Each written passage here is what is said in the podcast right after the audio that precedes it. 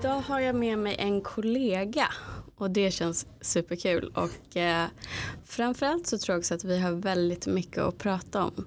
Det jag gillar allra bäst är avsnitten när han sitter och pratar helt själv. Och det är precis så som vi kom i kontakt med varandra. Så jag säger hjärtligt välkommen Paul de Valle. Tack så jättemycket, kul att få vara här.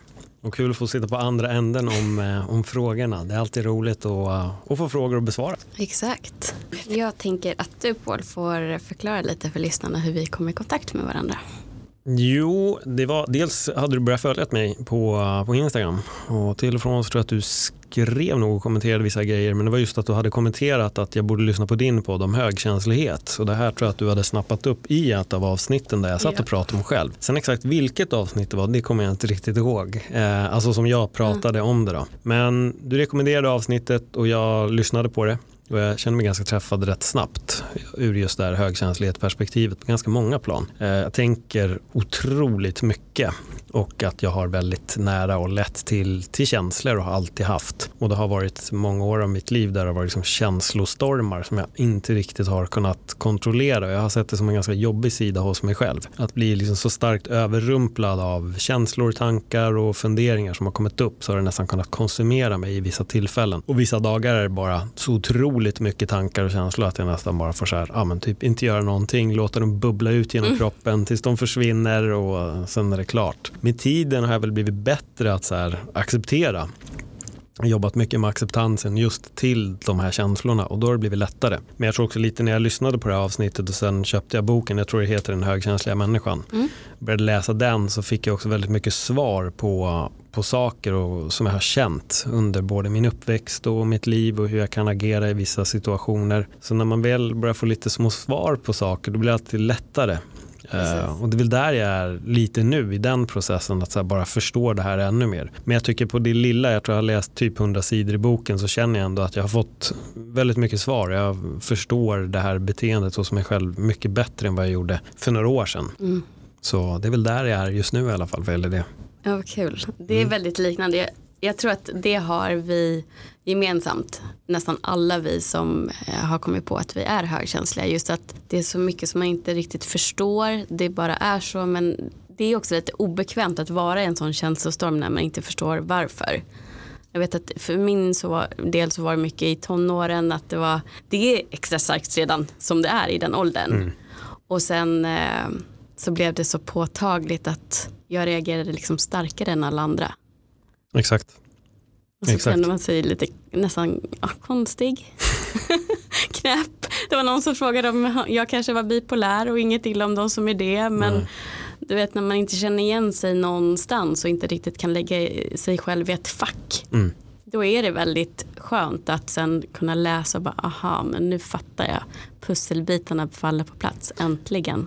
Jo, men de gör det och det är därför jag tycker det var väldigt bra med ja, men dels boken och det här avsnittet som du hade spelat in. Att det ger, det ger svar på en del saker hos en själv och man har ju oftast mycket frågetecken om sig själv och sitt eget liv och gärna om andra. Det jag kunde på något sätt känna mig väldigt träffad i det här lite också att Alltså jag, det är nog aldrig någon som har förstått när mitt huvud har börjat. Att så här, de här tankarna och funderingarna har kommit så här, ofta, speciellt om det kommer till relationer eller något ja, men ta det bara lugnt eller liksom, slappna bara av. Det, det, går inte. Det går jag, inte. Och jag har försökt förklara det, bara, det går inte. Och jag tyckte här, någonstans i boken så står det ungefär som att be en brunögd, att så här, varför blir du inte blåögd bara? Ja. Det går ju inte. Det, det är helt omöjligt och jag tror att däremot så tror jag att när man väl förstår det här lite då blir det lite lättare att förstå att okej okay, nu kommer den här stormen. Mm. Men när man inte vet, när det bara händer att huvudet börjar mala och det börjar komma de här känslostormarna och man inte har en aning då är det ju bara Alltså det är ju otroligt jävla jobbigt. Mm. En dag kan ju försvinna på, eller en kväll kan ju försvinna på att man bara har den här jävla konstiga känslan som bubblar i kroppen. Men jag hade nog redan innan det här med att jag förstod att det var högkänslighet ändå börjat, som jag sa innan, då, jobba väldigt mycket mm. med acceptansen utav det. Och det har varit lättare att kontrollera. Jag har också förstått med tiden nu att då jag mediterade som mest så fick jag också mest kontroll över de här känslorna. Stormarna kommer inte i onödan och det är något som jag verkligen vill tillbaka till att meditera mer för jag har märkt att för mig så har meditationen just varit i att den lugnar mig. Den gör att jag inte lägger den här onödiga energin ibland som jag gör, som jag ibland har gjort. Då, då. Så när jag mediterar mer frekvent då blir jag mycket stabilare i ja, men känslorna. Känner du igen att det var svårt att uttrycka också när någon försökte förstå vad det var för någonting som hände inuti? Om, det, om du till exempel var i en relation eller jag, om du jag, hade föräldrar. Liksom, jag förstår exakt vad du menar. Jag, eh, jag tror, I relationerna så tror jag inte att det har dykt upp. För jag tror inte att det har där, jag har inte fått det problemet liksom med den jag är med direkt, om mm. vi säger så. Mm. Det, är väldigt, alltså det är en väldigt egen process. Um, så jag tror inte att jag sitter och så här, åh nu har jag en känslostorm och så, brä, och så agerar jag ut på den utan det kommer i mig och så är det tankar och så är det funderingar. Och ibland kan jag bara känna någonting, jag kan helt plötsligt bara bli på ett jättekonstigt humör en dag. Men förr kanske jag skulle också sprida ut den negativa energin på någon om den jag är med. Men nu har jag förstått att okej, okay, fan nu har jag bara den här äh, känslan i kroppen och jag behöver inte agera på den, jag låter den bara vara där och då rinner den nästan bara av sig själv. Mm. Jag tror mer att det har varit svårt för folk att förstå när jag försöker förklara att jag tänker så mycket och jag känner så otroligt mycket. Där har folk inte fattat. Jag har inte haft någon i min närhet som bara säger jag förstår exakt vad du menar. Utan det har nog mer varit som familj när man pratar med dem. Att ja, men, ta det bara lugnt. Liksom, du behöver inte lägga så stor fokus på det där. Och så. Tydligen behövde jag göra det ändå. Men det, nej, det som sagt, det, det, har varit knepigt i, i sina stunder. Det har ju läckt över på massa saker. Det är bara så bekräftelse av folk också. Som jag har känt att det har varit viktigt för mig att här, veta att folk tycker bra om mig. Och om jag har fått en känsla att de kanske inte gör det så har jag gått och funderat så mycket på det. Mm. Medan nu är det mer bara så om jag upplever att någon inte riktigt tycker om mig så, så här, okay, det skiter väl jag i. Liksom. Men förr kunde jag också säga, men varför? Varför är det så? Nej, det här är inget bra. Liksom, utan jag vill gärna att den här personen också ska tycka bra om mig. Men att idag är jag mer bara, jag, jag skiter verkligen fullständigt i vad folk tycker och tänker. Um, det viktigaste är att de som är i min närhet liksom, tycker bra om mig. Det är viktigt. Men andra, det blir ganska irrelevant. Mm. Uh, och det är också en sån grej som kunde mala i mig ibland när jag fick för mig att någon kanske inte riktigt tyckte bra om mig. Och det är det här med att analysera. Mm. Att, att se små mönster, små detaljer, att den kanske inte hälsade riktigt som den gjorde förra veckan. Det kunde bli en väldigt stor grej för mig. Att, fast vänta nu, förra veckan var den här personen jättepositiv, idag är den inte det, varför är det så? Och så börjar jag liksom spinna. Mm. Och, och, det är väl det där också som den här boken väldigt mycket gav svar på, det här mitt sätt att ta upp information. Mm. Alltså när jag träffar folk så analyserar jag börjar direkt analysera allting. Förut fattade jag inte det. Jag trodde bara så här gör alla. det var min tanke. Alla tänker exakt så här när de träffar någon. Men sen insåg jag när jag läste också med att vi tar upp tio grejer medan de som inte är högkänsliga kanske tar upp två. Eh, och det är därför vi också är trötta och behöver sova mycket. Jag skrattade så mycket åt den där.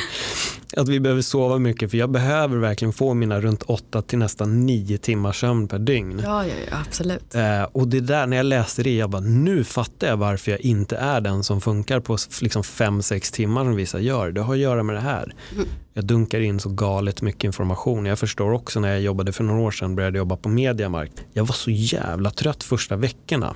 Och nu förstår jag ännu mer varför jag är det. För att jag är dels på en ny arbetsplats, i en ny miljö. Jag tar upp liksom en sjuk mängd information som ska processas i min hjärna. Första månaden jag var fallfärdig varje dag jag kom hem. Jag var helt slut. Och nu fattar jag så här, aha, jag fattar. Jag sitter där och tar in så sjuka mängder information hela tiden. Men tror du också inte att det här, eller jag tror i alla fall att det här med att man kan få för sig att folk inte tycker om en. Mm. Att det har att göra med att just för att du plockar upp deras energi, du plockar upp humöret, alltså allt om den personen. Det är som att du är, liksom har en liten dator i hjärnan som skannar av en annan person som står mm. mitt emot dig. Och då kan det ju vara väldigt mycket som faktiskt inte har ett dugg med dig att göra som du plockar in och Exakt. tar åt dig. Exakt, nej men, nej men så är det ju verkligen. Och jag tror att det är det där jag tror också att jag har blivit lite bättre på med. Att inte överanalysera varje person jag träffar utifrån deras agerande mot mig som det var förr. Men förut, och jag tror att det är det där att när du inte förstår din egen högkänslighet och när du inte vet om den, mm. då blir ju alla subtila budskap vill man gärna lägga på sig själv. För det är gärna så vi jobbar om någon säger någonting så tar vi det gärna, kanske inte personligt, men, men vi tar åt oss Och det kan ju bara vara att den här personen är jättestressad och ska springa iväg på ett möte och säga hej och så tycker man, ah, fan hälsa hälsar inte på det sättet och så varför var det så, bla bla bla. Och så kan man gärna analysera åt fel håll. Men då kommer vi in på andra aspekter i, i, en, i ens egen personlighet också, varför vi kanske gör det. Men jag tror inte att det där kan också såklart människor som inte är högkänsliga uppleva med. Mm. Men jag tror ändå att vi, vi överanalyserar, det är det vi gör. Och jag tror att vi behöver bara lära oss att kanske inte överanalysera allt. Mm. Jag tror att det är bra att ha den här analytiska sidan på en del grejer men jag tror också att den är så här, sitt, leder oss till ett vårt fördärv ibland med. När det blir för mycket hela tiden, bara tänka, tänka, tänka, analysera och studera allting och ta in all information och det kan ju göra en bara helt snurrig i huvudet. Verkligen, men det har ju väldigt mycket med medvetenheten att göra. Mm. Som du säger, när man vet om vad det är och vad det är som händer i dig. Exakt. Då kan du anpassa det. Så att för min del har det jag tror att jag har väl haft koll på att jag är högkänslig kanske 6-7 år, något sånt där. Om man tittar på mitt umgänge bara för 6-7 år sedan motsvarande nu. Det är väldigt, väldigt annorlunda. Det är liksom ingen drama överhuvudtaget och det har väl också med åldern att göra. Men jag har verkligen anpassat till hur jag vill leva och jag vill ha det lugnt för att jag behöver mer energi till saker som jag verkligen tycker är kul. Jag klarar inte av massa energi som går i onödan på onödiga saker. Nej. Så att jag har blivit ganska selektiv med vilka jag omger mig med också. Är det någonting du känner Um, alltså jag har nog alltid haft en liten så här process av att bryta med folk som kanske inte ger mig någonting. Jag är väldigt mycket ensamvarg, jag har alltid varit det. Jag har mm. verkligen inget problem att vara själv så jag har inte det här extrema behovet av att umgås med 40 pers. Eh, jag är mer att jag håller mig gärna till små grupper, det tycker jag är ganska skönt. För mig blir det, det kan till och med ibland vara lite jobbigt att umgås i för stora grupper. Jag har nämnt i min egen podd också, tror jag, kanske jag inte har gjort, men jag har ganska svårt för kallprat. Jag är inget fan av kallprat heller och det var någonting som jag också läste i den här högkänsliga. Vi föredrar hellre riktiga diskussioner. Ja, gud ja. Jag kan absolut stå och kallprata med människor. Jag har inga problem med det. Men jag kan tycka att det är ganska jobbigt. Det är ansträngande för mig att stå och prata bara väder och vind. Däremot om det är en person som jag träffar och man börjar prata och det händer någonting i konversationen, då kan jag spendera flera timmar att bara prata.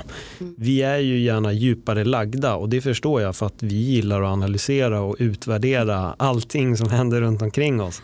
Då vill man kanske inte bara prata om att Ja, gud vad, vad skönt väder det var idag. ja, det var det. Aha, alltså du jobbade på dagen alltså. Ja, gud vad kul. Jaha, drack du kaffe också?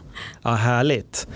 Och så ska man bara sitta där och det, är så här, det kan jag tycka är jobbigt. Speciellt om jag springer på någon på tunnelbanan och man märker typ bara så här, efter 30 sekunder så har man inget riktigt mer att säga men man vet att fan, de ska till samma station som mig. Alltså då kan jag också känna så här, åh för fan, och nu ska vi bara, för då känner jag mig tvingad att mm. föra en dialog. Mm. Då kan jag verkligen känna mig tvingad att, att göra det. Och det var en kille en gång som jag vet kom fram och satte framför mig för han kände mig jag kände igen mig rättare sagt från, från mitt jobb som kommentator och ville börja prata. Och det var så här, okej okay, det är lugnt, det är skittrevligt att du kommer, jag uppskattar verkligen det. Men sen när jag inser att, vänta nu satt han sig faktiskt framför mig och det här, nu ska vi åka i 20 minuter i tunnelbanan. Och då får jag den här, jag är inte bara den här som tar upp min telefon. Egentligen borde jag bara bli det. Jag har ett så behov av att också vara trevlig för att jag tycker att man ska vara trevlig. Mm. Eh, men jag känner bara, oj, vad ska han och jag prata om nu? För till slut upphörde hans frågor men han fortsatte att titta på mig och då kände jag okay, nu kommer jag vara tvungen att typ intervjua den här personen i typ 20 minuter. Mm. Um, så ja, det kunde, då kan jag känna att det blir lite jobbigt. Men det tror jag nog att även en icke-känslig person känner också. Ja, kanske. Jag känner igen allt till punkt och pricka. Jag har ja, jättesvårt för det. Men jag märker att jag, eh, jag drar. Eh, mm. När, om det är till exempel på jobbet och det är någon som kommer in. Alltså jag har inte ens ett behov av att fråga hur mår du? För jag känner, jag känner ju hur de mår. Mm. Så jag behöver inte fråga. Så jag vet att det var någon eh, av mina kollegor som sa god morgon Elena, är i läget? Och jag bara men det är alltid bra, annars märker du det. Mm. För det, jag märkte, det var faktiskt väldigt tydligt att jag, nej, jag har inte behovet av att sitta och prata om nej men det är bra idag eller jag var och ätit till frukost. Men vill du prata om hur du mår eller någonting du mm. har tänkt på eller en bok du har läst. Då kan jag sätta mig ner och bara, mm. nu kan jag prata hur länge som helst. Jo, men det är ju verkligen så. Ja. Det är verkligen det. Däremot när jag har läst om det här med högkänslighet så märker jag ändå att jag har nog en mildare grad av den. Det är väldigt mycket i boken som jag absolut inte kan relatera till alls. Eh, vilket jag känner så här, det är ganska skönt för att jag tycker att där jag är är redan ibland ganska jobbigt. Mm. Men ändå känna att okej, okay, det där, där känner jag inte igen mig, det här har jag inte haft och det här har jag inte haft. Jag tillhör ju ändå den här väldigt extroverta mm eh, sidan och jag har verkligen lätt ändå att liksom ta mig till människor och den biten. Men jag, jag går nog mer in på det här verkligen överanalytiska, tänker väldigt mycket, känslostormar som kan komma och just, eh, just, just känslor, det är något som bara kan bubbla i mig på ett så väldigt konstigt sätt och hur jag tar in intryck från folk och jag snappar upp allting som händer runt omkring mig. Och jag tror att när folk tror att jag är fokuserad på bara en pryl så fattar ingen att jag hör exakt allt som alla andra säger i rummet. Mm. Jag vet exakt vad de gör. Och när jag läste det också var det så här, oj, det där är ju jag totalt alltså, att fånga upp allt det där. Ja, alltså nu tror jag att både du och jag har koll på att det är folk på den sidan av rummet och det är ingen här. Och skulle någon sätta sig där skulle vi ha full koll på vad de gör. Ja. De kliver in där ibland, det är bara ja. att du ser dem inte. De kommer in i mitt synfält så du sitter på rätt sida i alla fall. För det är en liten vägg där, jag insåg det när jag, väl, jag skulle gå till toaletten och så bara, men där går det inte att gå. Så du sitter på rätt sida för jag ser alla som slinker mm. in där. Och så tänker jag, vad har de gjort idag? Ja men det blir ju så. Ibland känner jag mig väldigt otrevlig när jag sitter och fikar eller äter ja. med någon. För att just man tittar ju hela tiden liksom åt sidan. Och det ja. handlar inte om att man inte lyssnar, man gör både och samtidigt. Exakt. Det är bara att man ska plocka in vad som händer runt omkring. Det är liksom ens uppgift. Ja. Det är galet det där. Det är verkligen helt galet och, och det är någonting som, där kände jag igen mig otroligt mycket där man har den totala uppmärksamheten på precis allting som händer runt omkring en. Eh, och folk har sagt det till mig att du har ett sånt sjukt minne, du kan komma ihåg saker, du minns detaljer. Och jag säger ja, jo men det, jag är så. Och när jag läser allt det här så känner jag, okej okay, nu fattar jag verkligen vad allt det här är. Och nu förstår jag också varför kanske mina vänner inte har reagerat på allting. Jag fattar, de tillhör inte den kategorin som snappar upp allt, men jag ser grejer överallt. Jag har fått höra det också när jag har liksom skämtat bara om grejer så, jag, jag, kan hitta subtila skämt bara i min miljö. Eh, och jag tror inte att alla alltid gör det. Men, men nu börjar jag förstå lite så här, fan jag ser verkligen, jag snappar upp detaljerna överallt. Eh, men jag tycker att det är bra, det är hellre det än inte. Ja, jag tror i och för sig att de flesta böckerna som finns ute just nu är skrivna just om den introverta högkänsliga mm. människan. Och då blir det ju att om man lever mer extrovert, för det finns ju såklart alla deformer, eh, så känner man inte igen sig i allting. Nej. Men jag tycker ändå du ska ha cred för att du har läst så mycket. Jag tror inte jag har läst klart den ännu, utan jag liksom läser lite där, lite där och sen om det är någonting jag undrar över så kan jag mer ha den som uppslagsbok. Så man Jo. Jag, det är ganska tung. Jag har ju gått in i andra böcker. Det känns mm. inte som en liksom sträckläsarbok för mig. Jag känner att när jag har läst något kapitel så är jag ganska klar. Det är inte som att oh, vänta jag måste ha 30 sidor till.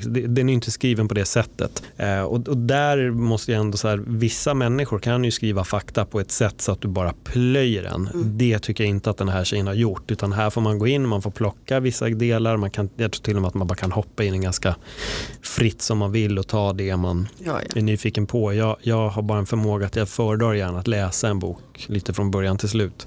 Men just nu läser jag andra böcker också. Men den ligger där. Jag, är så här, jag går in i den till och från och, och går in och läser lite. Så den kommer att avslutas. Det, jag ska definitivt läsa klart den.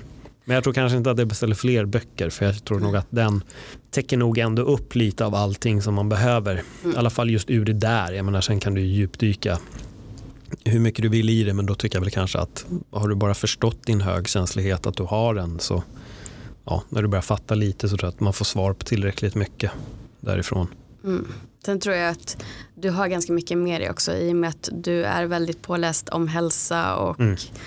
ja, levnads, alltså hur man lever på bästa sätt. För att du har intresset från andra saker. Ja. Med kost och träning och sådana saker. Och just återhämtning är ju jätte, jätteviktigt för oss. Eh, och det har väl du förmodligen redan kommit fram till innan du kom fram till att du var högkänslig. Jag har alltid fattat att jag behöver sova mycket. Nu förstår jag bara varför. Det är väl mer det. Ja. Eh, och jag skrattade verkligen högt när jag läste just den biten. Jag bara oj, nu fattar jag varför jag har sånt otroligt behov av sömn. För, för jag, är, jag är ingen morgonmänniska. Jag, jag, det är verkligen jag behöver åtta timmar. Jag kommer ihåg när jag jobbade på Globen för en otrolig massa år sedan. Då skulle jag börja sju på morgonen. Då var jag ju tvungen att gå upp vid sex på morgonen. Och jag vet att om inte jag somnade runt nio eller halv nio, jag var helt förstörd. Jag var tvungen att gå och lägga mig jättetidigt. De kvällarna där jag somnade vid elva eller tolv, alltså jag var paj hela den dagen. Sen säger folk det finns inget som nattmänniska. Ja, men det finns fan inte något som en morgonmänniska heller då. Så jag menar, för mig, då, sömnen har varit otroligt viktig och jag tycker inte att, jag har inte kommit in i något så här att jag behöver sova mindre. Visst, alltså, nu förstår jag kanske ännu mer varför jag var tvungen att sova till liksom 13 timmar när jag var ung. För jag kunde sova otroligt länge. Jag, om jag gick och la mig klockan 12 kunde jag sova till 2 eller 3. Eh, det gör jag absolut inte idag. Men jag kanske fattar varför jag behövde en otroligt mycket mer sömn i den åldern. Mm. För jag sov väldigt mycket. Sov du lika mycket när du var i tonåren? För jag kunde sova sjukt länge på helgerna. Alltså. Jag tror det, men just att jag har reflekterat över att det gick, gick inte över. Mm. Eh, andra blev inte piggare, men de behövde mindre sömn när man kom ut tonåren. Ja. Medan att folk har skämtat om att jag fortfarande behöver lika mycket sömn som en bebis. men jag bara, ja men det är så jag är. Så att när jag jobbade i hotell och det var skift och det var ibland bara fem timmar emellan. Alltså det var inte mm. kul. Nej, Nej det förstår jag. Det förstår jag verkligen. Ja. Nej, för jag är, det är verkligen sömnen är otroligt viktig för mig. Jag märkte det nu under corona till exempel när jag inte kommenterade någon MMA, jobbade inga nätter. Alltså helt plötsligt började jag vakna tidigare men det var också för att jag började somna tidigare. Mm. Allting började förändras, jag började komma in i en helt annan rytm. Jag började somna vid 11 och helt plötsligt så vaknade jag nästan vid 9. Och, men annars kan jag, alltså jag, kan, jag kan sova rätt, eh, rätt bra med. Jag behöver sömn och nu fattar jag äntligen varför också. Ja men jag är också väldigt känslig för om jag vaknar på natten om det blir ryckig sömn ja. då funkar inte jag lika mycket. Nej. Och eh, den här tiden på dygnet är jag ganska såsig i hjärnan. jag är som mest effektiv och tänker klarast faktiskt på morgonen. Även om jag aldrig sett mig som morgonmänniska. Mm. Så märker jag att mellan sju och nio fram till lunch då kan jag göra hur mycket som helst. Och simultanförmågan är på topp. Sen efter lunch är det som att jag bara går ner. Liksom. Intressant. Mm. För mig är det nog mer, jag är nog klarare desto senare det blir tror jag. Jag märkte i alla fall om jag tränar, för det är några gånger de senaste veckorna då jag har gått vid liksom sex eller sju och, och gymmat. Jag märker att jag är verkligen mycket starkare. Sen tycker jag att det är skönt att gå till gymmet liksom två, tre timmar efter jag har vaknat. Men jag inser det att om jag går sju timmar efter jag har vaknat, då är jag på en annan nivå. Det är väl också för att jag har ätit mer såklart. Men jag har insett att jag är starkare och pallar mycket, mycket mer i väldigt mycket när jag väl går senare på kvällen. Mm. Så. Gud vad intressant. Jag undrar vad det beror på egentligen. Jag tränar bäst vid 11 har jag kommit fram till. Jag tror ändå att vi är antingen morgon eller kvällsmänniskor. Jag tror ja. att det finns de där batteriet går igång snabbt på morgonen direkt när de har vaknat. Jag är trögstartad. Jag är jätteseg. Jag kan tycka att det är jobbigt när det är så här, oh, vi har vaknat nu och så ska vi gå och duscha och så ska vi iväg och så ska vi alltså då, det blir en jobbig start. Jag, jag behöver börja jättelångsamt. Jag behöver gå upp, jag behöver slöa, jag behöver bara få säga, gör ingenting typ första timmen. Eh, det går inte att kräva det om jag liksom går 9-5 jobb såklart. Då är upp och jag kommer ju igång såklart. Alltså måste jag sticka iväg så kommer jag vakna. Men jag märker varje gång att så fort de dagarna då jag får börja i mitt eget tempo, då har jag en helt annan energi över dagen. Mm. Så jag behöver få vara lite slö på morgonen. Typ egentligen inte göra något så här märkvärdigt. Sen bara kicka igång hela dagen. Då, då är jag igång. Så jag är pigg som fan här nu när klockan är strax över fem och du är lite såsig och känner att nu börjar det bli dags. jag börjar så här, tappa orden och staka mig och min hjärna där. ja, nej, men det är intressant, det är verkligen. Jag, mm. jag håller dock med om det om morgonen. Alltså min mm. perfekta morgon, alltså söndagar då brukar jag vakna runt sju kanske. Jag försöker ungefär samma upptid, nertid liksom i sängen. För att då somnar jag lättare. Mm. Eh, men då gör jag ju typ ingenting första timmarna. Nej. Utan jag bara låter kroppen säga så här, nu är jag hungrig, okej då käkar vi. Sen vet jag att jag tränar med min tränare klockan 11. Men då har ju jag liksom hunnit komma igång i min takt. Så jag är jättepigg då när jag kommer till honom vid 11. Men när går du upp på morgonen? Vid sju oftast. Jävlar, och går du och lägger dig? Uh, jag försöker väl släcka runt tio. Mm. Men jag börjar väl varva ner runt halv tio. Mm. Ja, men då är du ju mer åt morgonmänniskohållet. Ja, men jag har ju liksom inte varit så hela livet. Så jag trodde ju att det var någonting man kunde liksom lära sig mm. av att man hade regelbundna tider. Som man gick upp och som man gick och la sig. de, de påstår det. Jag säger nog att jag i alla fall det totala undantaget till den regeln. Alltså för jag, det där med, även när jag jobbade på Globen, jag jobbade liksom tre, fyra år. Visst det var rotationsskift, det får man väl ändå ha i åtanke. Men alltså det var perioder då vi bara körde dagsveckor några veckor på rad. Jag kom aldrig in i det. Alltså jag gjorde verkligen inte det. Jag var alltid trött och jag var alltid otroligt trött när jag kom hem. Eh, så för mig det här med, ja, men då går man bara och lägger sig lite tid. Eller gör man det. Alltså det har aldrig riktigt funkat. Jag är mer lagd åt kvällshållet. Så fort jag började jobba som PT så började jag börja senare och senare. Sköt bara upp min starttid. Att till slut insåg jag att det bästa är när jag börjar klockan tio. För då kan jag ändå liksom, jag hinner sova ut, jag hinner träna alla mina kunder. Men det här med åtta, sju på morgonen, det säger jag nej till direkt när någon frågar om, kan du köra sju? Jag bara nej. Nej okej, okay. och så var det, det avklarat. Jag körde halv sju ibland. Oh, för fan. Eller fem har jag också tränat ett tag. Ja. Men eh, jag blev lite nyfiken på, har du väldigt mycket omkring det som du gör utöver att du jobbar då? Jag tänker för att i och med att vi tar in så mycket intryck och det gör oss tröttare. Um, för när jag känner igen mig i min livsresa, liksom, när jag upplevde mer att jag var kvällsmänniska. Det var ju dels att jag jobbade skift jag var ute jättemycket eh, och gjorde saker hela tiden. Jag hade absolut ingen koll på att jag var högkänslig då heller. Så att det var ju mycket mer intryck hela tiden och då tänker jag så här att men då kanske jag inte kunde gå upp tidigt på morgonen om jag inte var tvingad till det. För att det var ännu mer saker som jag processade i hjärnan. Oj, jag vet inte. Nu var det väldigt länge sedan då jag jobbade ett jobb där jag var tvungen att gå upp liksom klockan sju Mm. Eh, jag har nog inte jobbat med det, det får nog backa bandet typ 20 år. Alltså. Mm. Jag har verkligen undvikit den typen av yrke så mycket jag kan. Jag men efter det jobbade jag som PT och där styrde jag ju själv. Mm. Så jag har nog egentligen inget riktigt bra svar på den frågan. Um, jag vet bara att när, när jag jobbade där, jag var, jag var tvungen att lägga mig verkligen nio på kvällen. Det, var, det, det hände nog kanske fem gånger att jag somnade nio på kvällen. Men då var jag också pigg när klockan ringde. Mm. Jag okej okay, nu går jag upp. Eh, men somnade jag tio, då var jag då var jag trött. Den timmen gjorde jättemycket. Därför kan jag också koka när folk säger ja, när jag, jag stör mig på att vi går över till sommartid. Mm. Inte lika mycket nu för att jag är mer flexibel i mitt yrke. Jag behöver inte vara supertidigt på jobbet. Så nu, nu påverkar det inte mig lika mycket.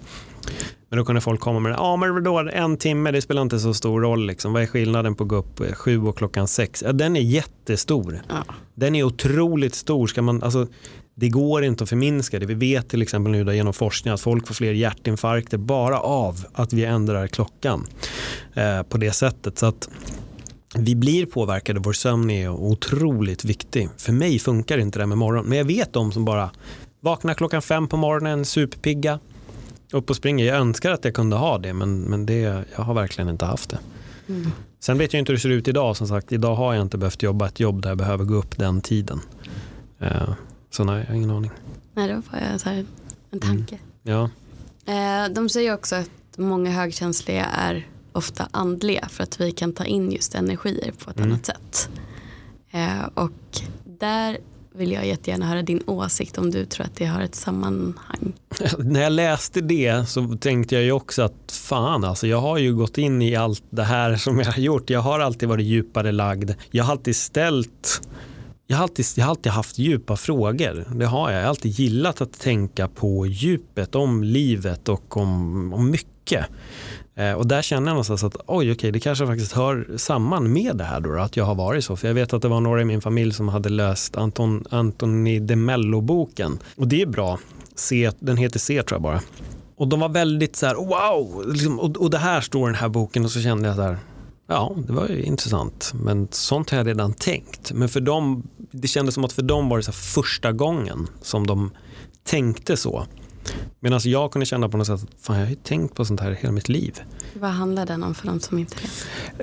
Oj, alltså jag har inte läst hela boken själv, men det är om att vakna. Se, Spirituellt se, ja, se att, att vakna, att förstå att man sover och jag tror han kallar folk för apor har jag för mig. Mm. För att de bara följer flocken och sover. Det är en bra bok, alltså, jag har inte läst hela men jag har läst stycken ur den. Det är bra, det är en spirituell bok. Jag tror han är gammal jesuitpress eller någonting men går in på de här djupa livsfrågorna. Väldigt många, det finns otroligt mycket citat från Antonio de Mello där ute. Eh, och, och jag tror bara att så här, jag älskar själv citat och jag älskar själv böcker som går på djupet som den gör. Men jag tror bara jag varit överraskad över hur överraskade de var. Mm.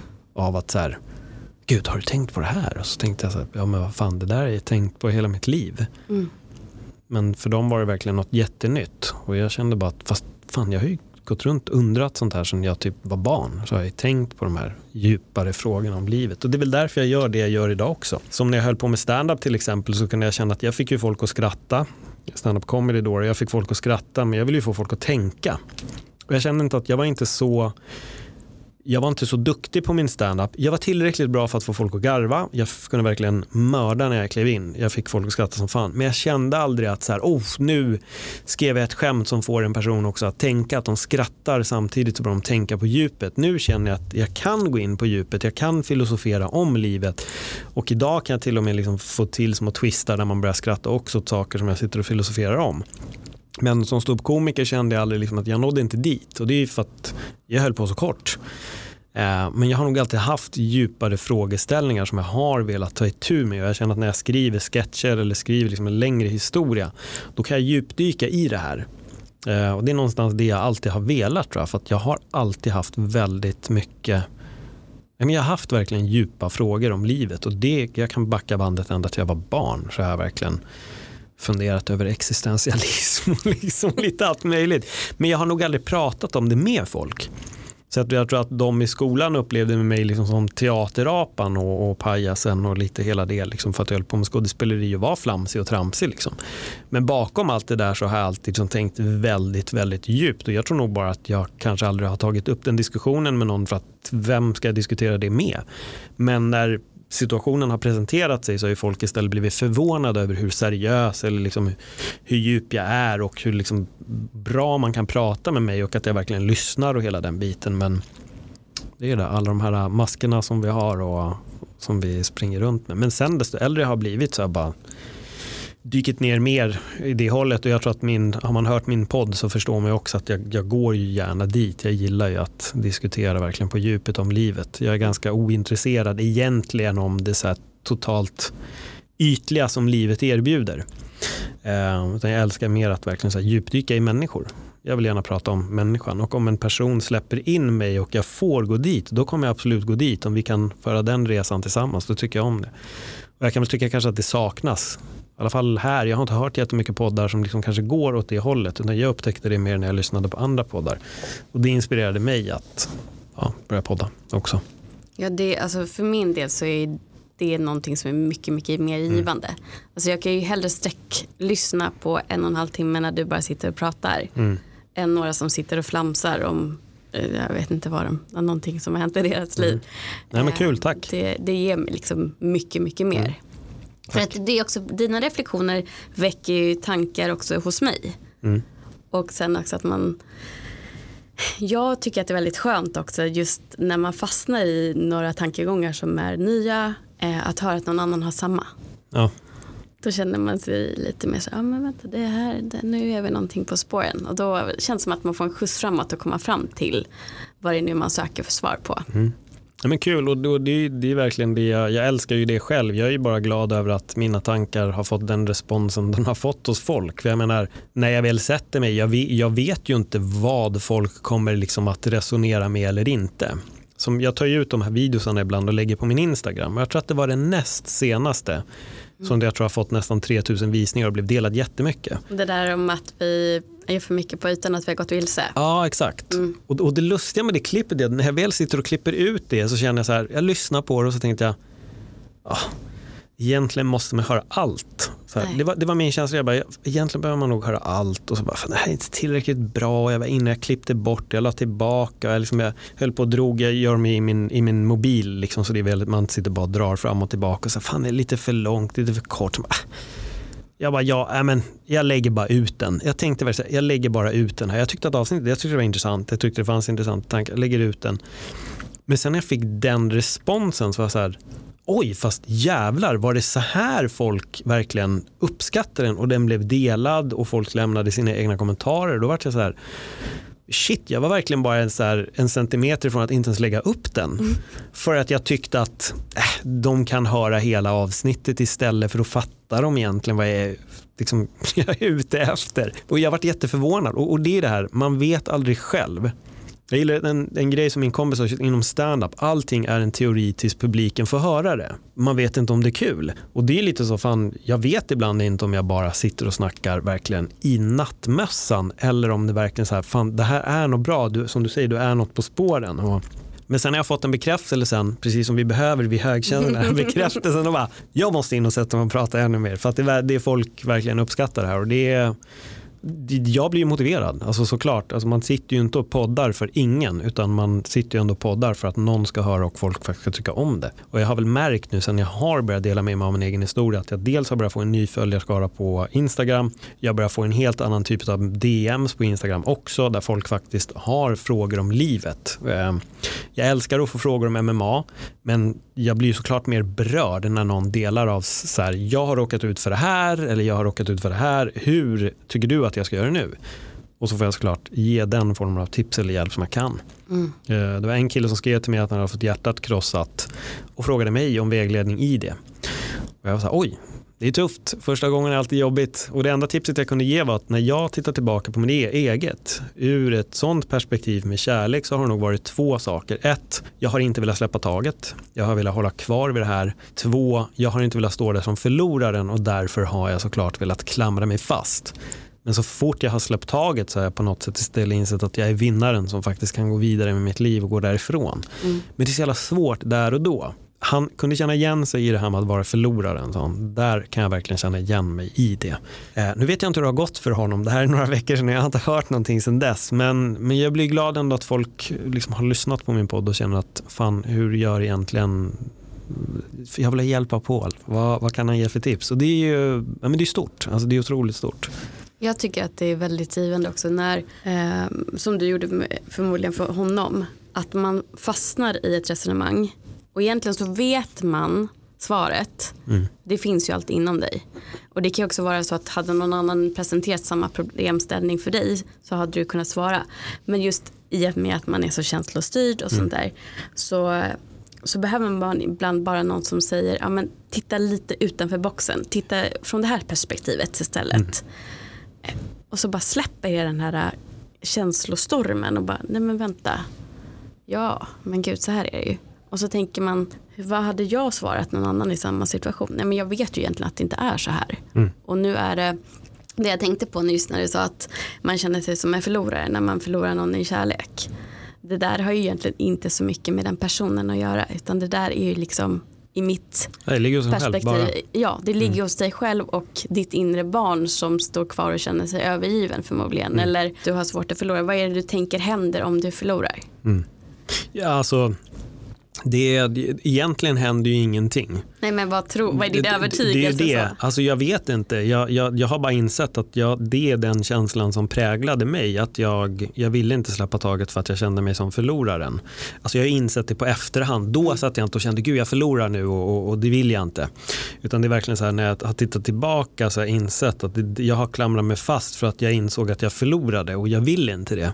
Jag tror ingen vill stå där som förloraren men sen när jag vände på det och insåg att jag är faktiskt segraren som får gå vidare med mitt liv istället ställe mm. och, och, göra annat och sen börjar man backa ännu mer så börjar man säga att fan, fast det var ju inte riktigt bra mellan oss ändå. Alltså, vad är det jag har klamrat mig fast vid? Mm. Så jag tror att det är alltid, man är alltid smartare med facit i hand. Mm. När man väl har gått vidare så kan man se allting men just där och då tror jag nog inte att jag sitter och känner mig som att jag håller på att förlora nu utan det är, så här, det är mer en insikt som jag har kommit till, till sen. Att det är det jag har agerat på. Eh, sen tror jag nog bara att jag är nog också den här att när jag väl för mig själv inser att det är över, att det händer något så att jag känner att jag är väldigt klar. Mm. Då är jag jättefärdig. Alltså då går det på ett fingerknäpp så är det bara tok. Jag kan vara så här från ena dagen bara jag älskar dig, allt för dig och dagen efter bara jag är helt färdig jag vill inte ha någonting med det att göra alls. Så ibland har jag väl sagt att jag, jag har jättemycket tålamod till ganska mycket. Men när det är över, då är det helt över. Alltså då är jag helt färdig. Och det behöver inte bara vara kärleksrelationer. Det kan vara annat också. Att när jag har nått min, min så här, vad ska man säga, slutdestination, då blickar inte jag tillbaka alls. Då har du ju skapat dig själv ett avslut på ett eller annat sätt. Det kommer, det gör ju det. Någonstans dyker upp och jag tror ibland bara att ibland klamrar man sig fast, klamrar sig fast och man hänger där men till slut så är det bara jag behöver faktiskt bara gå upp härifrån och så är det, det är klart, det är färdigt. Vi är ju jämngamla eh, mm. men jag tänker att det här 25 kän- eller? Ja, 26. Nej. Nej men jag är 41 och 42. Ja. Eh, och det här känner jag igen mycket från ja, men upp, upp mot 30. Att man hade otroligt, eller jag hade otroligt svårt att släppa även relationer som egentligen inte hade gått på djupet. För att det var en föreställning om att om inte jag blir vald då är inte jag värdig kärleken. Det var det jag stred för på något sätt. Och det här är någonting jag har kommit fram till nu när jag börjar grotta ner mig mer i vad är mina mönster, vad är det de bottnar i, vad är det jag egentligen vill ha. Och då känns det också mycket mer ärligt mot mig och den personen som jag faktiskt vill vara med. För att nu väljer ju jag. Mm. Inte bara att jag ska bli vald. Nej. Vill du ha en fras att tänka på efter det här? Ja.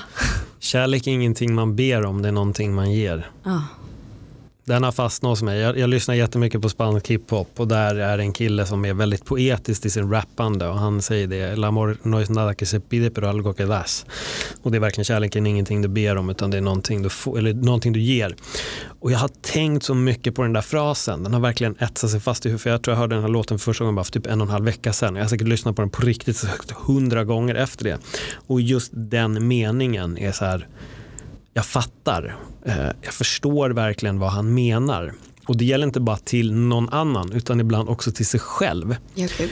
Ehm, och vi är verkligen, och du säger verkligen det här, du vill ha den här kärleken, du ber om den, men du ska själv ge kärleken. Och jag har verkligen djupdykt som senaste veckan i de här funderingarna om kärlek. Och jag känt väldigt mycket att vi är experter på att vilja bli sedda och vilja bli hörda. Men vi- är väldigt dåliga på att se och höra. Vi vill ha kärlek, men vi vill gärna inte ge den på samma sätt, utan vi vill få den först så att vi sen kan släppa fram den. Ja, då har vi en garanti också. Exakt, och där har jag hamnat ganska många gånger i situationer när jag har varit i relationer. Det är nog att jag vill gärna veta först och jag kan ha lite svårt för det. Och så börjar man då som högkänslig överanalysera varenda signal. Och så bara, "Ah, hon har backat ett steg nu så jag backar ett för livets skull.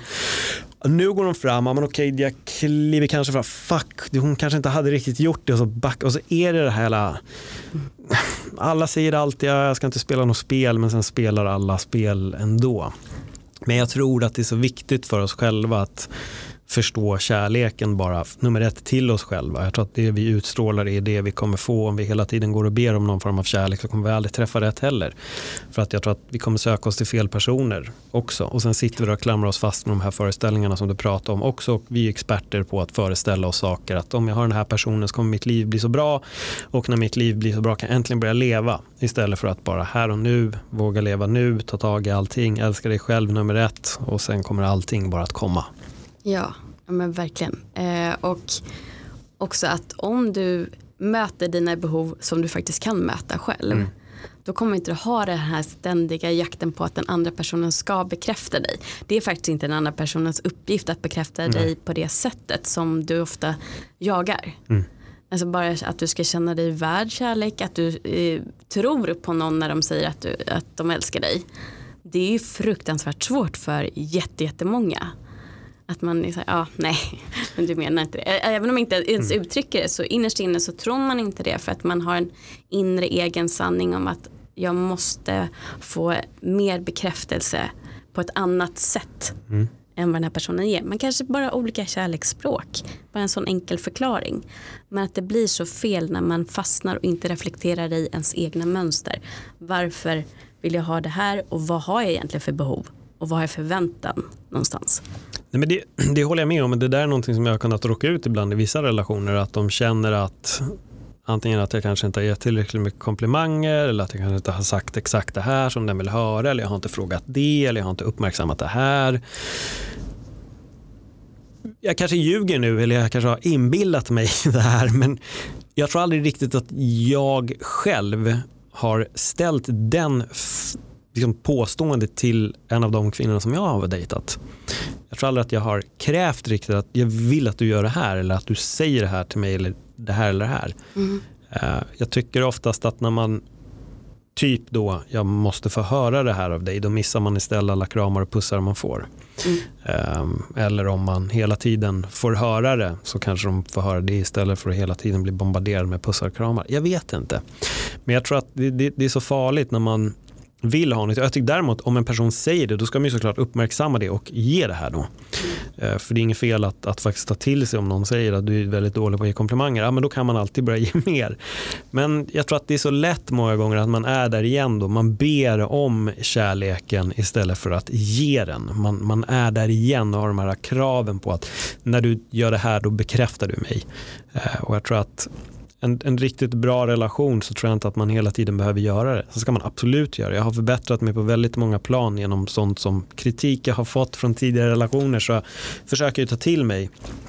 Men jag tror ibland att vi, det, det, är så jävla enkelt att sitta och titta på vad den andra inte gör istället för att se vad den faktiskt gör. Och det är något jag har sagt vid några tillfällen med du stirrar bara efter grejer som jag inte gör så att du missar allting som jag faktiskt gör. De grejerna ser du inte för att du vill så gärna att jag ska göra en annan sak. Eh, och det där är så farligt i relationer tycker jag. Att man, man, man stirrar sig blind på det man inte får medan man missar totalt allting annat. Har du läst om de fem kärleksspråken? Nej, vem är det som har skrivit den? Eh, vet, det är ett koncept, jag vet inte exakt vem det är som har kommit fram till det men det finns ett test bland annat eh, på svenska. Jag tror att det är Anna och Mikael som kommer medverka på den senare som har tagit mm. fram det. Eh, och där, det handlar väl egentligen om att man har olika kärleksspråk, alltså sätt du visar kärlek på. Och jag kommer att tänka på det att till exempel det kan vara eh, tjänster, fysisk beröring, mm. eh, gåvor, Jo men det här tid, känner jag igen. sådana saker. jag glömmer alltid bort den femte.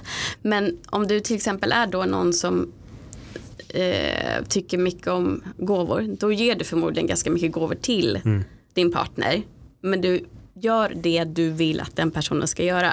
Sen kanske han eller hon är någon som är mer för fysisk beröring eller tjänster. Och då kanske den personen lagar middag till dig jätteofta för att de vet att du kommer hem och du är trött. Det är det sista du vill göra, ställa dig framför spisen.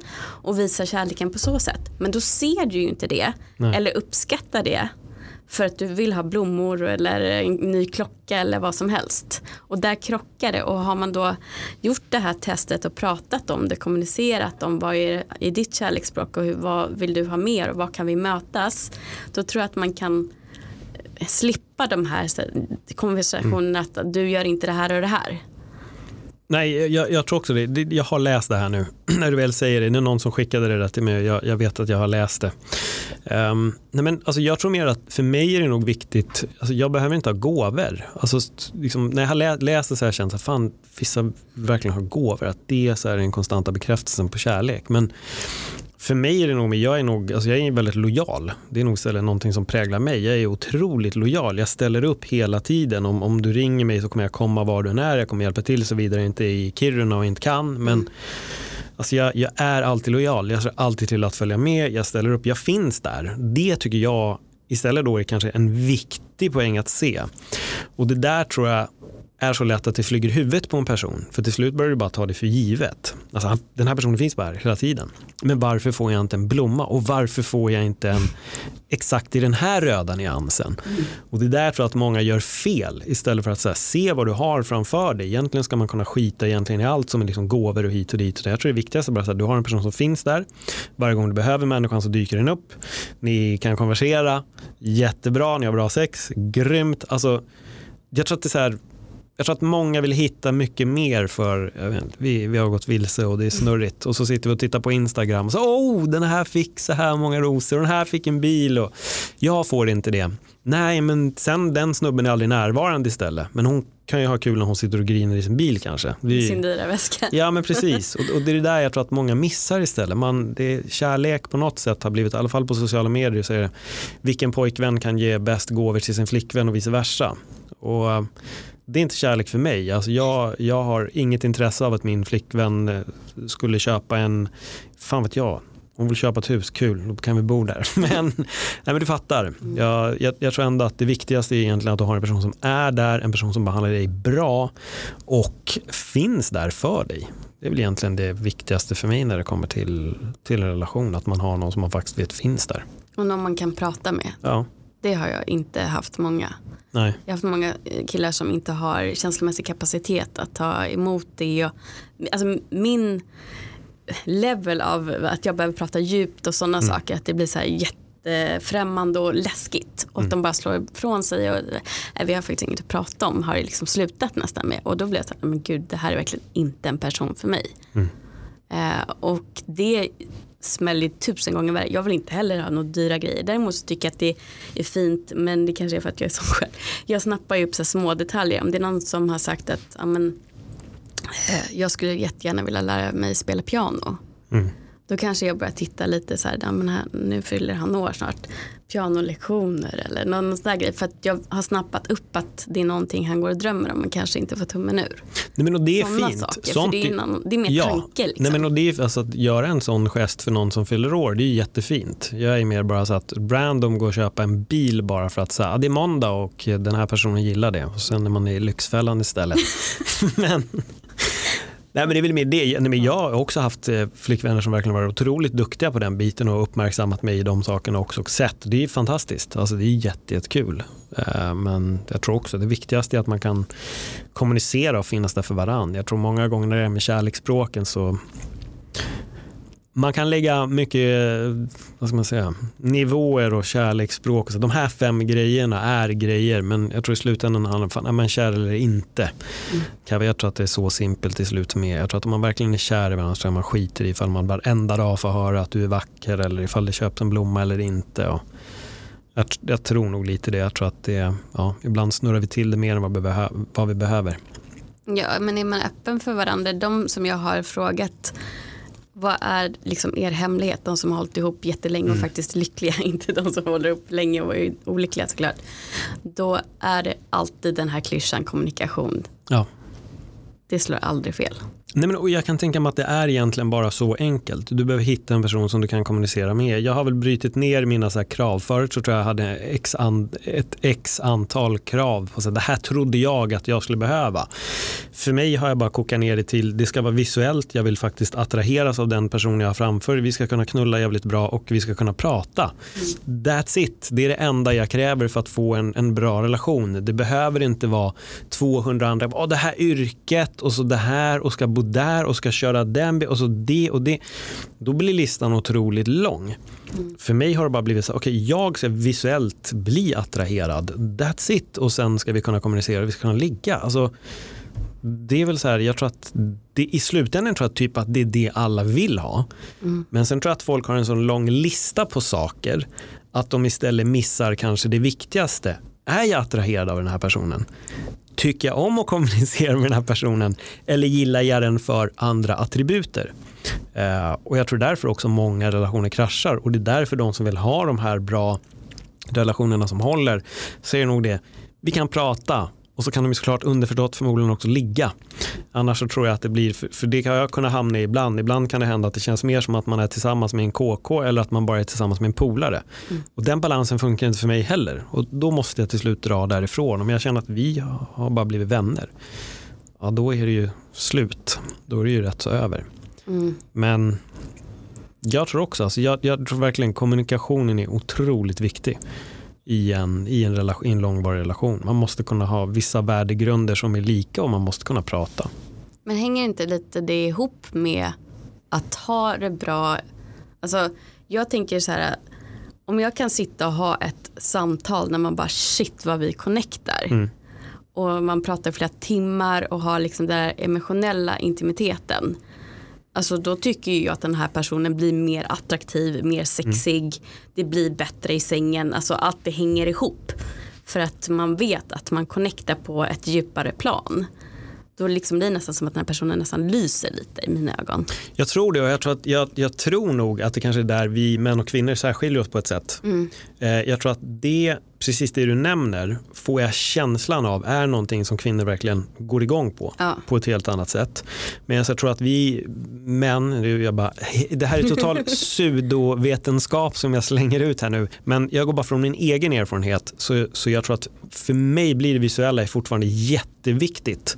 Det har jag märkt att, att det jag attraheras av är jätteviktigt. För jag har verkligen träffat folk där det har varit fantastiskt på det kommunikativa.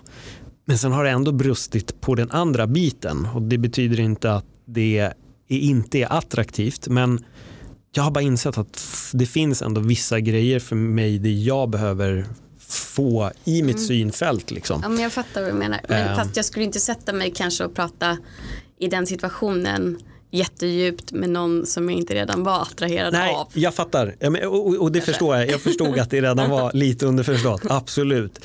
Jag bara menar att jag, jag kan nog förstå att den biten, där tror jag, jag tror att män bara tänker annorlunda där. Mm. Uh, för mig är det jätteviktigt att kunna prata djupt. Mm. Det finns de som bara är nöjd med en trofékvinna och så skiter de i vad som kommer ur, ur munnen. Eh, kul för dem om det, om det är kriteriet, go for it. Men jag har insett att jag behöver båda. Det är skitviktigt och det är jättesvårt för mig att hitta den balansen. För jag kan hitta en otroligt attraktiv person men så klickar vi inte på det planet. Sen kan jag hitta en annan person där vi klickar på det planet men fan och så är det och det är där, där tror jag att jag får problem väldigt många gånger. Att det blir, jag får inte ihop den ekvationen. Um, men jag är på jakt i alla fall. Och det är väl det som...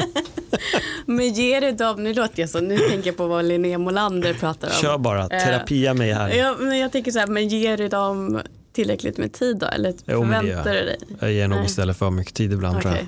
Jag tror att jag har för mycket tålamod ibland så att jag är inte snäll mot mig själv. Det är nog det istället som har hänt vid några tillfällen tror jag. Eh, nej men absolut, det, det gör jag. Men jag har nog bara insett när det är över så är det över. Eh, mm. Det är väl det.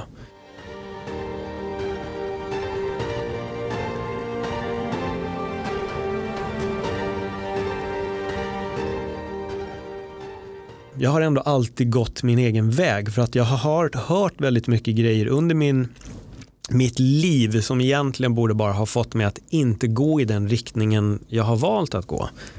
Men jag tror också någonstans när jag väl har försökt att så här, leva det vanliga livet så har det aldrig funkat. Det har funkat i typ en månad eller två och sen är det bara fuck, jag måste vara kreativ. Jag behöver göra det här, jag måste göra de här grejerna. Jag kan inte leva det här livet hur gärna jag än ibland bara önskar att jag kunde vara den som bara fan vad nice, jag har jobb och jag har en fru och jag är 21 och det ska bli så jävla kul när jag går i pension. Det hade varit ganska befriande på ett sätt också för att det är rätt, ibland kan det vara lite jobbigt också att vilja så jävla mycket mycket mer än var, än var jag hela tiden är. Alltså, jag måste göra det här, det, här, det här också. Det är som att jag har en bucket list som tar aldrig slut på grejer. Men som sagt, jag är bara jävligt glad över att de orden inte sänkte mig. För, för jag är så medveten om att de, alltså de hade kunnat mördat hela min, min vision av min framtid. Mm. Och jag är säker på att det finns så otroligt många ute som har hört det här av antingen en lärare eller till och med en förälder eller någon i sin närhet som har kommit med det här. Det kommer inte bli någonting av dig. Och den personen slänger med det här ordet bara väldigt snabbt men samtidigt så har det som Don Miguel Ruiz Jr. det är en tämjning. Man tämjer en person genom att säga det här och det här kan fastna på ett sätt. Speciellt på en ung människa så kan det fastna så otroligt hårt att den kommer alltid gnaga det här. För jag vet ibland, för jag fick några gånger också höra, jag vet inte vilka som har slängt med den här, du kan inte. Men jag har hört det ganska mycket och då kommer jag ihåg när jag var typ 22-23, jag jobbade och så hade jag, jag var i Globen, jag hade ställt ut vissa prylar och det hade ställts ut fel. Och då säger min arbetskollega bara, fan du har gjort fel, du kan verkligen ingenting. Och jag var så här, ah, nej men det är rätt, jag kan ju faktiskt ingenting, kände jag. Och då, då, jag vet att jag tänkte det där och så bara så här, men fan, nej men jag, jag, kan ju faktiskt ingenting. Och jag vet inte varför. Men sen så började jag ju några år, alltså typ något år senare börja läsa skitmycket, jag började ta tag i mina teaterstudier. Helt plötsligt så jag, fan kan jag ju för fan exakt allt. Och det är därför jag tror att jag gör det här, eller det är därför jag också vill lära mig en ny sak varje år. För att jag har insett att jag är inte någonting av det folk har trott om mig. Och när han säger till mig, jag fattar ju att min kollega när han säger du kan in, ingenting, han menade det ju inte liksom ur ett negativt sätt på det sättet. Det var verkligen bara, fan du har gjort fel, du kan ingenting och så garvade han. Men, men för mig, det ordet var så här, jag har hört det här så många gånger nu så att det bekräftar den här sanningen som folk tycker om mig, som egentligen är helt osant. Mm. Um, och jag vet att så många är präglade av, av ord som så fort de får höra det så bekräftar det den här bilden som alla andra har om dem. Och det har jag också tagit upp i ett klipp på, på Instagram med att det stämmer liksom inte. Den här sanningen som folk vill förklara för dig om vem du är, det, det, det, stämmer inte. Du vet själv vem du är, men låt inte de här orden trycka ner dig. Om du kan mycket mer, vilket du kan, motbevisa då istället. Och motbevisa främst för dig själv. Det där är det viktigaste tror jag, att bara motbevisa det här för dig själv.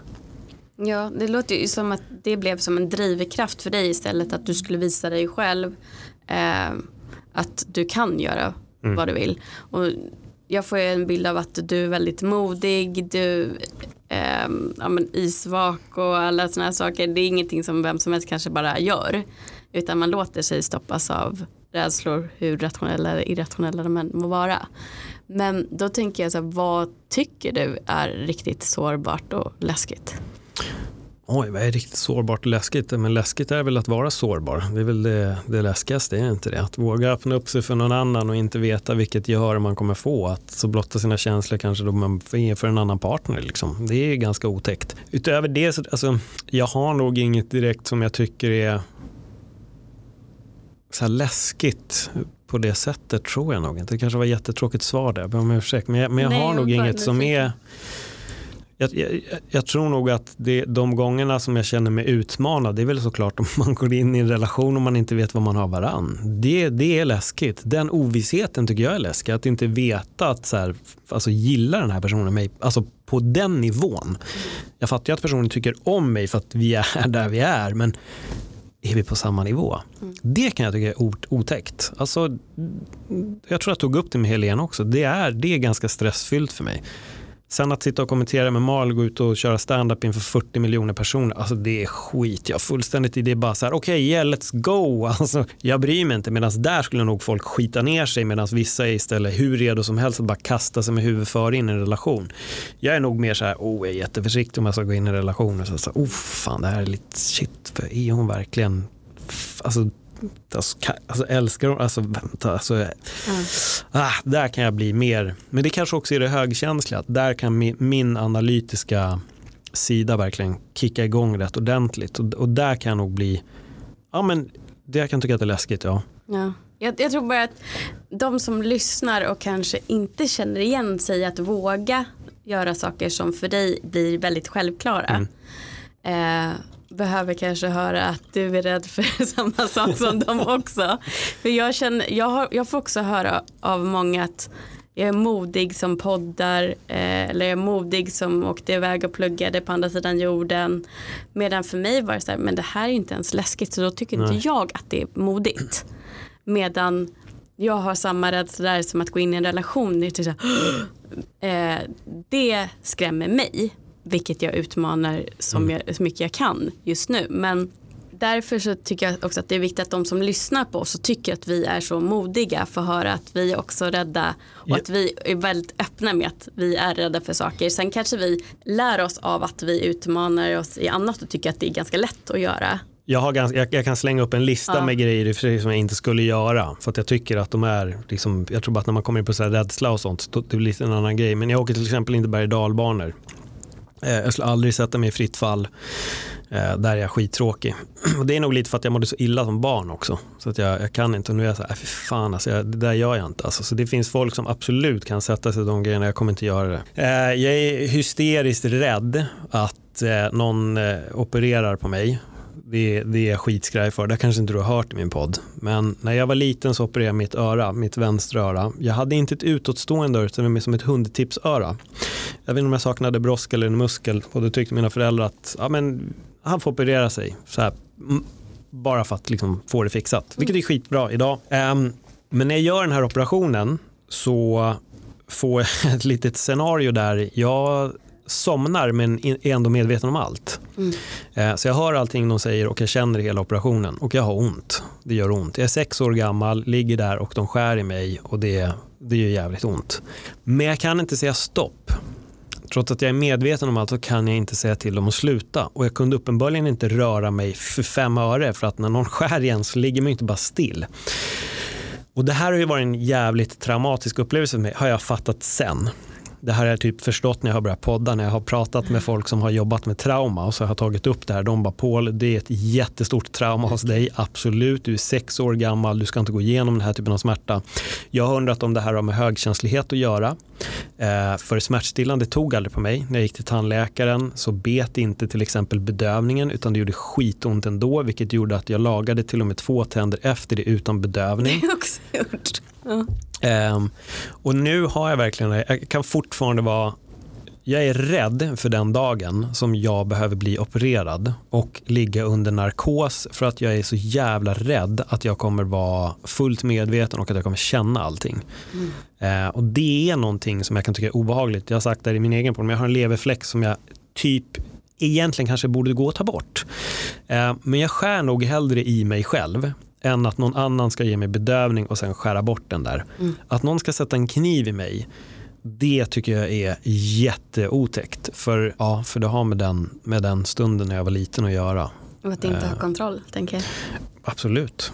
Absolut, jag har inte kontrollen alls. Och det är jävligt otäckt att också bli opererad på och vara fullt medveten och inte. Det här heter lockbox tror jag. Eh, och anledningen till att jag förstod vad det här var var för att någon gång när jag satt och kollade på Discovery så dyker upp någon sån här e IR-typ att de är på akuten och det är en kille som de har gjort en eh, hjärttransplantation på. Öppna upp hela bröstkorgen och han berättar att han känner allt som har hänt. Och han ligger och skriker sluta för att det gör ont. Och då säger de att det här heter lockbox, det kan hända, det är ganska ovanligt men det händer. Det är, liksom, det är någon, någon, någon liten procent, om det är 0, någonting där någonstans som råkar ut för det här. Men det blev liksom ingen grej och jag, och jag tror att jag rationaliserade det här i mitt eget huvud med att ja men det är klart, jag har opererat mig, men det gör ju ont. Alltså det, det gör ont, så det är inte så konstigt. Det var så jag, jag menar jag var ju sex år, så det var så jag tänkte. Så jag tror inte att jag låg sen och var traumatiserad hemma, utan jag var så här, okej okay, jag har opererat mig, det gör ont, men nu är det klart. Jag, jag förenklade det och jag tror att fan det kanske är därifrån alla de här grejerna kommer också. Att när någon säger något negativt så är det så här, ja men ja fast ändå inte liksom. Jag kan förenkla på något sätt det de säger. Bara hugga ifrån och rationalisera. Men ja, så där, där fick du. Det, det, jag är skitskraj för det, bokstavligen. Alltså jag är jätterädd för den dagen då jag måste gå in och operera någonting. Jag kommer i princip kräva att de söver mig under narkos innan så att jag vet att jag inte upplever någonting. Det, det, det, kommer alltså vara ett krav. Så jag hoppas att jag inte måste göra en akut operation helt plötsligt om jag inte hinner. Nej men bokstav, det, jag är verkligen på riktigt, det, jag är skiträdd för det alltså. Mm. Jag tycker det är, ja, jag, jag mår faktiskt lite dåligt ifall jag behöver operera mig någon gång. Eh, så alltid när folk opereras, så så här, hur gick det? Det gick bra. Jag bara, oh, skönt, bra. Tur för dig. jag förstår verkligen. Fy mm. fan vad läskigt. Mm. Jag tänker vi ska börja avrunda lite grann. Ja. Och då har jag faktiskt lite annorlunda frågor till dig eftersom du också poddar. Vad har du för drömgäst och varför i din podd? Jag får den där frågan lite titt som tätt. Jag skulle nog säga två. Jag skulle säga Wim Hof nummer ett. Dels för det här med isvaksbadandet. Han har ju varit en väldigt stor inspiration för mig att börja bada isvak och att jobba med andningsövningar vilket har lett mig till djup meditation och verkligen sånt hjälp i den här äh, andliga, spirituella resan. Så han är en eh, av den anledningen. Och sen har jag en annan som är Gabor Mate som också är en eh, otroligt intressant person från Kanada som jobbar med beroendeproblematik. Och han är nog den bästa personen jag har hört prata om beroendeproblematik och vad det beror på. Han, han trycker mycket på att det har med trauman att göra. Han säger då att där han jobbar i Vancouver så är det en del där det finns grovt, eh, grova narkomaner som de hjälper.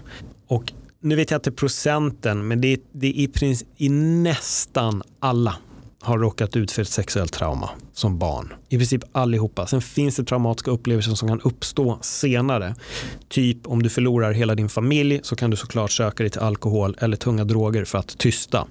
Men att just alla grova narkomaner, det finns ett trauma hos alla. Och de tar heroin eller annan drog för att det blir tyst. Det är den enda gången de får tyst i huvudet. Eh, och, och han får verkligen att se narkomaner ur ett verkligen mänskligt perspektiv. Sen har han väldigt bra åsikter om mycket annat också vad gäller uppfostran med just trauman är sånt som han går väldigt mycket in på. Han bryter ner beroendeproblematiken på ett väldigt bra sätt. Att egentligen en person som har shoppingberoende eller spelar bort pengar, det grundar sig i samma sak. Det är ett trauma, det är någonting som har hänt som leder dig till det här. Flyktbeteendet. Ja, exakt. Och det finns också en anledning till varför vissa kan gå ut och kröka varenda helg eller vissa kan till och med gå ut och använda droger vissa helger men de blir inte narkomaner. Så att den där lilla stigmat eller den här falska bilden av det måste nog försvinna. Sen säger jag inte att droger är bra, det är inte alls det, men, men man måste fatta varför vissa kan kröka varje helg och varför vissa är alkoholister. Det finns en anledning och det är traumat. Därför jag skulle vilja ha med honom i podden för att han, han är otroligt duktig på att formulera sig, Eh, sen har han väldigt intressanta åsikter också om uppfostran och med barn och hela den biten. Och han, jag tycker han tar upp en sån bra grej för det här är någonting som det kanske var vanligare förr men det finns säkert kvar idag också. Det här med att ja, barnet måste få gråta lite, den kan inte hela tiden få uppmärksamheten av sin förälder och då säger han när ditt barn gråter, om du inte finns där för den, hur kommer det prägla resten av dens liv? Mm. Och det är jättesjälvklart. Fan, ett barn är utsatt. Den behöver den vuxnes närhet. Det handlar inte om att lämna den för att den ska lära sig någonting. Och när han har dragit det, är liksom, det är så mycket som faller på plats med den här idiotin av saker som vi håller på med. Eh, så han är väldigt bra ur, ur både det och även det här uppfostransperspektivet. Tycker att han, han tar upp otroligt bra saker om felen vi gör. Intressant. Mm. Han får kolla upp. Verkligen, och tack så jättemycket för ett intressant samtal. Tack själv. Tack så mycket, kul att du ville ha med mig. Det är väl nummer ett. Alltså som poddmakare och få bli bjuden, det är alltid roligt. Jag sitter ju alltid på andra änden så det är kul att bara ta emot lite frågor och få spekulera ja, om livet. För er som eh, blir mer nyfikna, självklart lyssna på Öppet sinne. Det finns på Spotify och ja, eh, alla poddställen som, ja. som ni är vana vid. Följ mig gärna på Instagram, @paulilvaje och om ni vill eh, fråga mig någonting om livet så skicka. Alltså jag gör alltid mitt bästa att eh, besvara. Så ni får jättegärna följa och ja, ställa vidare frågor. Mm. Super, tack så jättemycket. Tack så jättemycket och ha det så bra till nästa gång.